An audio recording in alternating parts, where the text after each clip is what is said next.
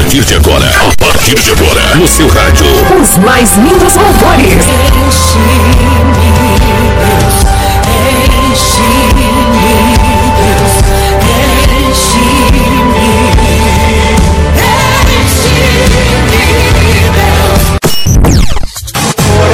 Se eu tomar as muralhas, não resistirão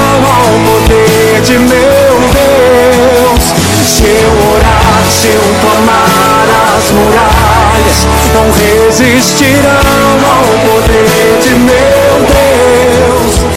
Aumente o volume e sinta a presença de Deus. Ainda que a figueira não floresça, ainda que a videira não dê o seu fruto. Louvor e adoração na medida certa.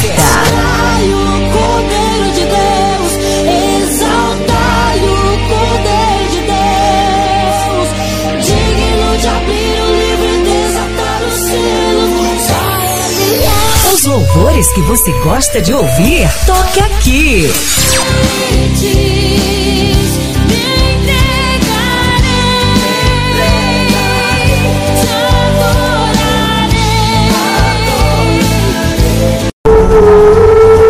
Qual é o seu maior desejo? Melhorar sua vida? Independente de como esteja a sua situação, creia que Deus sempre tem o melhor para nós. Está passando por dificuldades? Em Jeremias 29, 11, 13 diz: Porque eu bem sei os pensamentos que tenho a vosso respeito, diz o Senhor, pensamentos de paz e não de mal, para vos dar o fim que esperais. Então me invocareis, e ireis, e orareis a mim, e eu vos ouvirei, e buscar-me-eis, e me achareis, quando me buscareis com todo o vosso coração.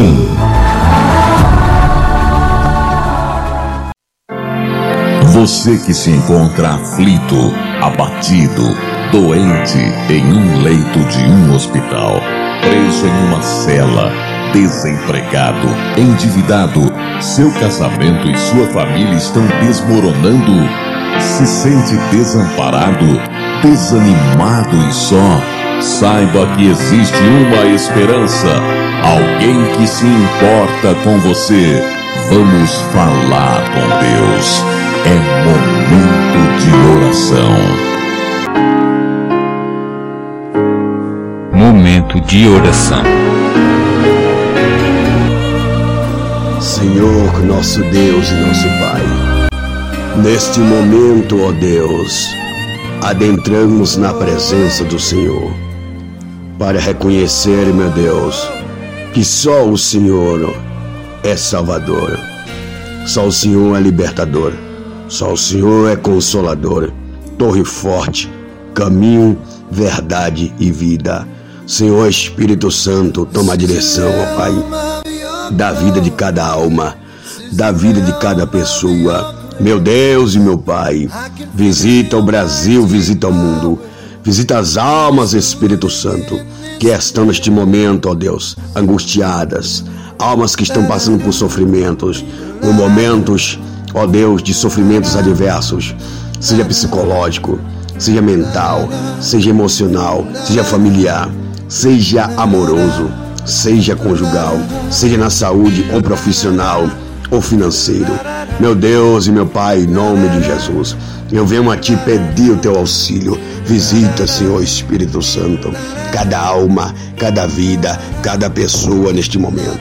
Meu Deus, que o Senhor possa trazer sobre cada um o seu consolo, o Teu conforto, abrir as portas da vitória, pois as tuas bênçãos elas enriquecem e as mesmas não acrescentam dores.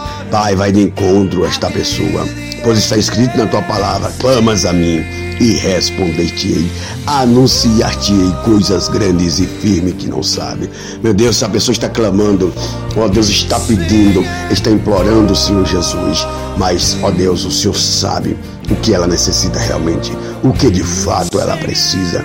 Senhor, vai de encontro, move o impossível desta pessoa, porque para o Senhor não há impossível. Está escrito na tua palavra em Lucas capítulo 1, versículo 37, porque para Deus não haverá nada é impossível. Meu Deus, Senhor Jesus, vai de encontro a esta pessoa que acha que essa situação no casamento dela é impossível de se reverter, que acha que este problema que aconteceu com ela, que esta dor, que essa enfermidade, que este mal na família, ó Deus, é irreversível. Ela acha, ela pensa, é irreversível. O Satanás disse: tem colocado os pensamentos que não tem mais jeito. Ah, mas há jeito.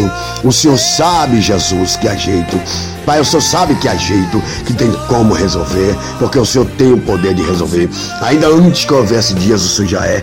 Operando, Senhor, quem impedirá? Não há quem possa, Senhor Jesus, impedir o teu trabalhar, impedir o teu agir. Pai, age por esta pessoa, peleja por essa alma, peleja por esta vida, Senhor, em nome de Jesus Cristo, venha pelejar por cada alma, por cada pessoa. Ó Deus, que esta voz chegue ao alcance de todos e que todos sejam abençoados, sejam, Pai, impactados com milagre milagre financeiro, milagre familiar, milagre conjugal, milagre amoroso, com milagre nas suas empresas, nos seus trabalhos. Ó Deus, seja lá com que for que este milagre, ó Deus, alcance essa vida neste momento. Se ele está, ó Pai, dizendo que ninguém importa para ele. Ah, ela está dizendo: me abandonaram, me deixaram. Ei, Deus não te deixou, Deus não te abandonou. Está escrito em 16 de João, segundo escreveu o Evangelho evangelista João, no capítulo 16, verso 18: Eu não vos deixarei órfão, voltarei outra vez para vós, diz o Senhor Jesus. O Senhor Jesus está contigo, ele vai fazer mil cair ao teu lado, dez mil à tua direita, e nem você e nem a sua casa será atingida, será atingido no nosso momento de oração, que agora estamos aqui. Eu venho contigo nessa intercessão, ó querido, ó querida, dizer para você que não tem quem possa resistir o operar de Deus. Não há quem possa contradizer o agir do Senhor Jesus. Deus te dará vitória. Eu profetizo neste momento que nenhum mal te sucederá e que, que praga alguma, nenhuma praga chegará à tua casa. Sim, talvez fizer alguma coisa contra ti. Talvez você é vítima de bruxaria. Talvez você é vítima de feitiçaria. Talvez você é vítima de magia negra. Talvez você é vítima de inveja, de olho grande, de acusação, de defamação, de calúnia. Mas Deus te dará a vitória. Deus te justificará. Deus moverá o impossível da tua vida. Deus agirá ao teu favor. Não, não há quem possa resistir o agir de Deus.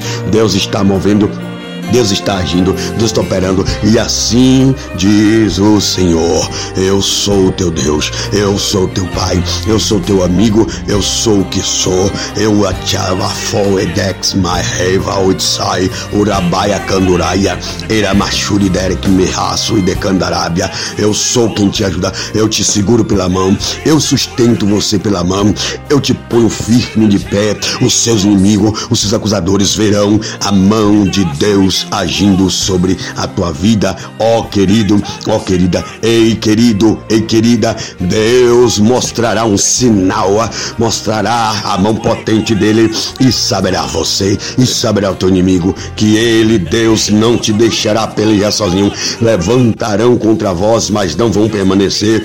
Deus vai mover o impossível segundo você para te dar vitória, porque Deus ele age, Deus ele move, Deus ele faz e ele está fazendo coisas grandes na sua vida hoje. Eu acredito que Deus está fazendo aquilo que você não sabia que Deus poderia fazer mais por você. Você achou que Deus iria deixar assim? Você achou que Deus iria deixar dessa maneira? Deus está dizendo para ti: eu vou surpreender alguém, eu vou de encontrar alguém, eu vou desfazer o Assabarau Atsai, Urabacandarabasheia, Irabahai de Comanaço e de Candarácia eu vou desfazer o laço, eu vou quebrar o laço do passarinheiro, eu vou quebrar o cativeiro, eu vou te proteger, porque aquele que habita debaixo das comanaço, Iderfai, Urabaia céu, Uradere Mirácia, aquele que habita no esconderijo do Altíssimo, a sombra do Onipotente descansará.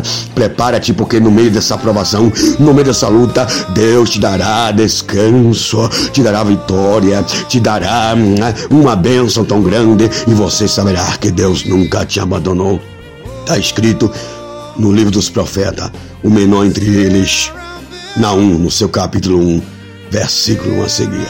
Diz o profeta: o caminho do Senhor é no meio da tormenta e da tempestade. Se você está passando pelo momento de tormenta, pelo momento de tempestade, Deus está dizendo: Eu vou fazer acontecer um milagre. Eu sou provedor. Eu provi para Israel água no deserto, a rocha ouve-se água dela para o povo beber. Eu trouxe maná, eu trouxe codornize, eu trouxe provisões para Israel. Labande, Kovanaga, Subierga, Labrandácia, Urabachandarabacheia. Eu vou trazer providência para você nessa situação. Deus é Deus de vale, Deus é Deus de monte. Ele vai trazer a situação ao teu favor, ele vai mover ao teu favor, ele vai agir ao teu favor, ele vai operar ao teu favor e ninguém vai ficar de de pé. Todos que se levantou contra você, se colocou no caminho, vai voltar e vai buscar o reconciliador, Jesus Cristo, e vai te pedir perdão e vai dizer: Deus. Ah, Deus, eu não devia ter tocado nela, eu não devia ter tocado nele, eu não devia ter pegado o nome dele dela e jogado na lama. Agora Deus vai dizer: essa pessoa vai buscar reconciliação com o próprio Jesus e vai reconhecer que pecou contra Deus e contra você e vai te buscar o perdão e você vai perdoar, você vai dar outra face, você vai tratar diferente, você vai perdoar, vai amar e vai conviver e dizer para todos na terra dos viventes: Deus é comigo, Deus operou na minha vida e Deus moveu ao meu favor. Testemunha milagre, testemunha vitória. Esta é a tua vitória. Momento de oração com o Vanilson Santos neste momento. Deus abençoe a todos em o nome do Senhor Jesus. Aí você ouviu o momento de oração com o apóstolo Vanilson Santos, que já entregou a mensagem de Deus para você, já intercedeu contigo, ouvinte amigo, ouvinte amiga. Agora é só tomar posse, é pela fé. É escrito em Romano 10, 27. A fé vem pelo ouvir e ouvir a palavra de Deus. Escute, ouça, guarde teu coração, viva a fé sobrenatural, receba o milagre, receba a vitória. Deus te abençoe. Vamos que vamos com a nossa programação normal. Rádio Promessa. Promessa de Deus para a sua vida. 93,9 FM. Rádio Promessa.